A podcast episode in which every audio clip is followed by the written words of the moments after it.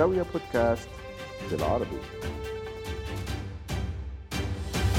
أهلا بيكم وملخص سريع لأهم أحداث الأسبوع اللي فات. يلا بينا. وفي الإعادة إفادة وساعات بتكون تحصيل حاصل برضو. في تركيا في جولة الإعادة الجولة الثانية من الانتخابات الرئاسية اللي تمت يوم الحد اللي فات. الرئيس التركي رجب طيب أردوغان حصل على 52.18% من الأصوات بعد فرز 100% من صناديق التصويت.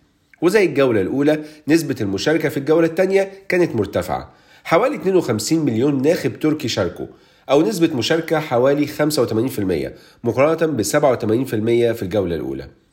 حوالي 27.8 مليون ناخب تركي اختاروا إردوغان بفارق أكثر من 2 مليون صوت عن منافسه كمال كليتشدار أوغلو. وبكده أردوغان هيقود تركيا لمدة خمس سنوات تانية إن شاء الله. بعد فوز إردوغان الرئيس المصري عبد الفتاح السيسي اتصل بيه وهناه وخصوصا بعد عودة العلاقات بين تركيا ومصر اللي اتفقوا مؤخرا على تبادل السفراء بينهم. بس مصر لسه ما حلتش مشكلتها الاقتصادية واللي البرلمان فيها وافق على تعديلات لقوانين علشان يزود من إيرادات الدولة. بالفعل البرلمان وافق يوم الاثنين اللي فات على مشروع قانون بفرض رسوم على سلع وخدمات من ضمنها مغادرة البلاد. آه المصريين هيدفعوا 100 جنيه لو مسافرين بره مصر. ده بالإضافة لتعديل بعض أحكام قانون ضريبة الدمغة وقانون فرض رسم تنمية الموارد المالية للدولة وقانون فرض ضريبة مقابل دخول المسارح وغيرها.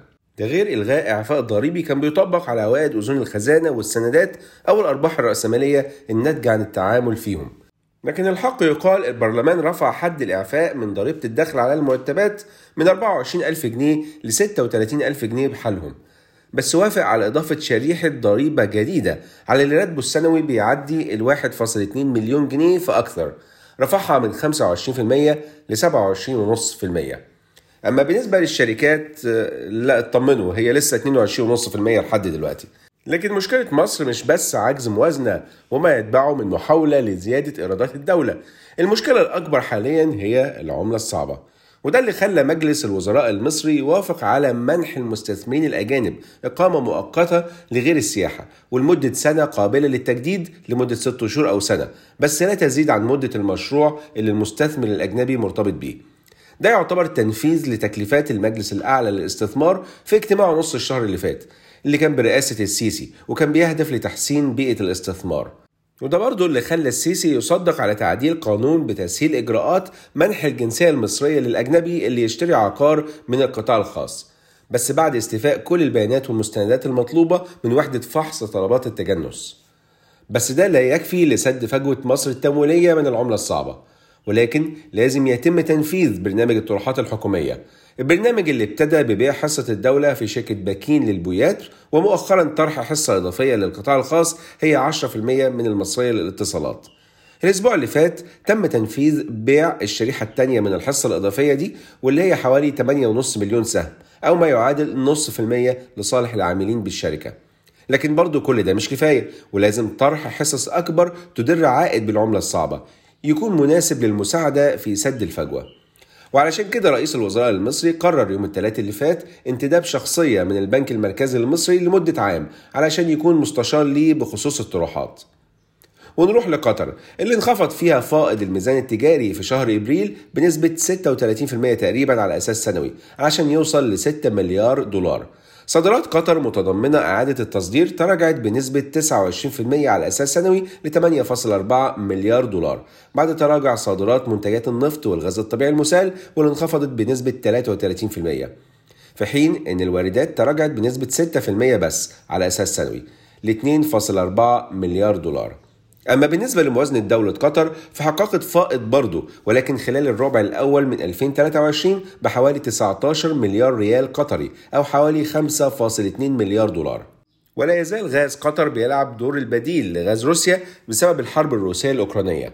شركة قطر للطاقة وقعت امبارح اتفاقية لإمداد بترو بنجلا في بنجلاديش بالغاز الطبيعي المسال لمدة 15 سنة. أما داخليا فقطر ثبتت أسعار الديزل والبنزين بأنواعه المختلفة بالنسبة لشهر يونيو. لكن الإمارات قررت تخفض أسعار الديزل والبنزين بأنواعه لشهر يونيو برضه وبنسب تتراوح من 7 ل 8% ونروح لسلطنة عمان اللي تصدرت المشهد السياسي العربي مؤخرا بعد زيارة رسمية لسلطان عمان هيثم بن طارق لإيران. استمرت يومين. واللي فيهم تم الاتفاق بين البلدين على دراسة مشتركة لتطوير حقل نفطي بحري هنجان بخا اللي بيقع قصاد محافظة أم سندم بعمان وعلى بعد 70 كيلو متر من شواطئ إيران قرب مضيق هرمز واحتياطاته حوالي 700 مليون برميل نفط و2 تريليون قدم مكعب من الغاز.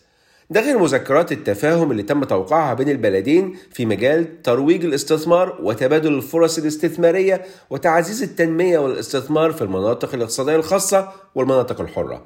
أو بمناسبة الاستثمار، السلطان هيثم كان وجه يوم الأربع اللي فات بإطلاق صندوق استثمار جديد برأس مال 2 مليار ريال عماني أو حوالي 5.2 مليار دولار بهدف تنويع مصادر دخل السلطنة وجذب استثمارات أجنبية مع تعزيز النشاط الاقتصادي وتشجيع القطاع الخاص للدخول في شراكات أو تمويل مشاريع في القطاعات اللي بتستهدفها رؤية عمان 2040 نسبة من رأس مال الصندوق ده هيتم تخصيصها لتحفيز منظومة الاستثمار الجريء في الشركات الصغيرة والمتوسطة والناشئة اللي مسجلة في هيئة تنمية المؤسسات الصغيرة والمتوسطة.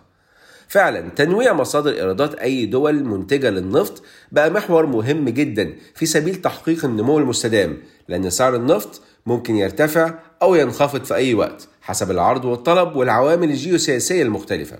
على سبيل المثال إيرادات صادرات العراق النفطية انخفضت في مايو بنسبة 6% على أساس سنوي ل 7.3 مليار دولار بعد تراجع سعر خام برنت لمتوسط 71.3 دولار وده انخفاض 10% على أساس سنوي أقل من متوسط ال 79 دولار السنة اللي فاتت.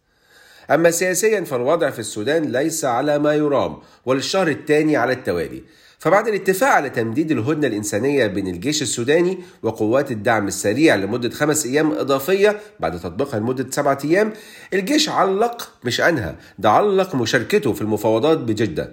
لكن في نفس الوقت مدد فترة إغلاق المجال الجوي السوداني قصاد كافة حركة الطيران لغاية 15 يونيو.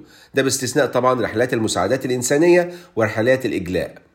ومن ناحية تانية فأمريكا بتحاول تأثر على الحرب بعد ما فرضت وزارة الخزانة الأمريكية عقوبات على أربع شركات تابعة للجيش السوداني ولقوات الدعم السريع المتناحرين بهدف تجفيف مواردهم المالية.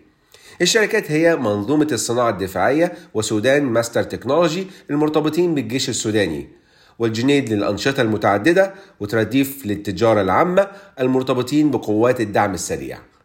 وربنا يجيب العواقب سليمة. كان معكم عمرو حسين الألفي من زاوية تحياتي لكم والسلام عليكم ورحمة الله وبركاته.